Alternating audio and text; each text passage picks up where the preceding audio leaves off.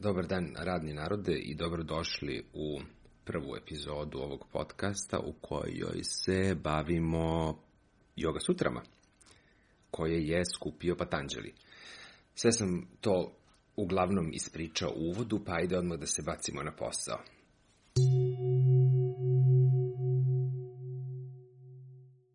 Dakle, sutra 1.1 kaže ovde započinjemo učenje joge.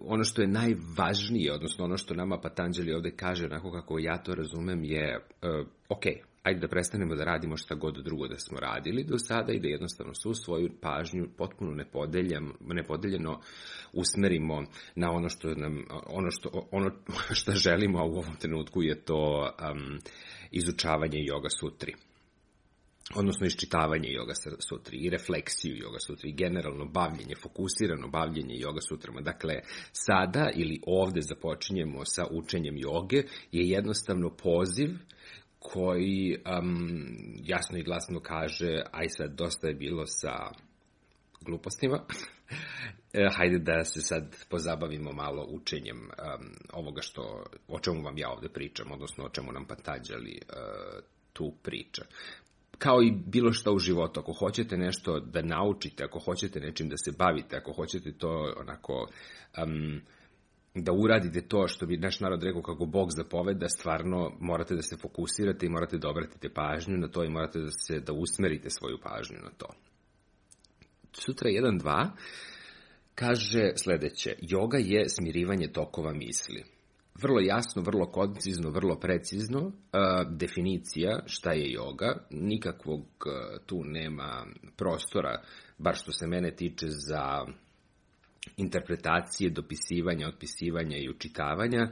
U, drugom, u drugoj sutri, u drugoj rečenici, Patanđeli definiše šta je joga i kaže nam da je joga smirivanje tokova misli. Takođe, jedno, sav, jedan savremen prevod bi mogao da zvuči i kao joga je smirivanje uma.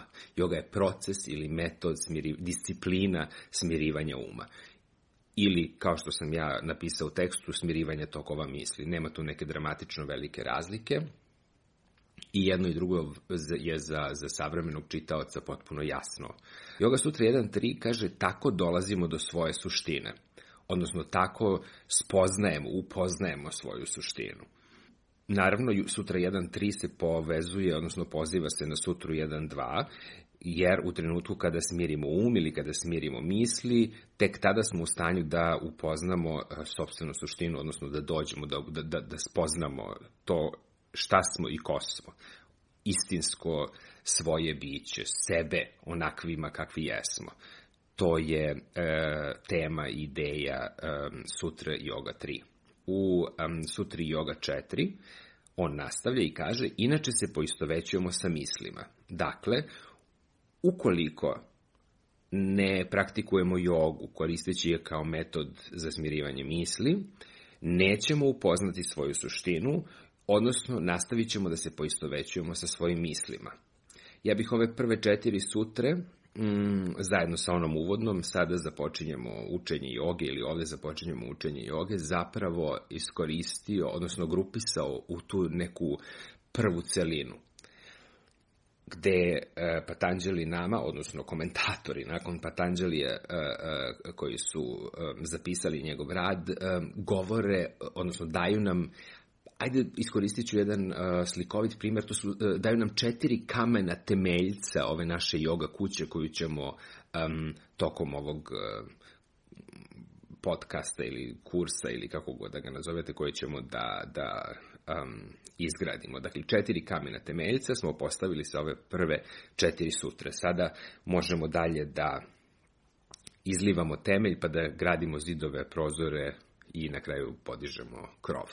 Čujemo se u sledećoj epizodi.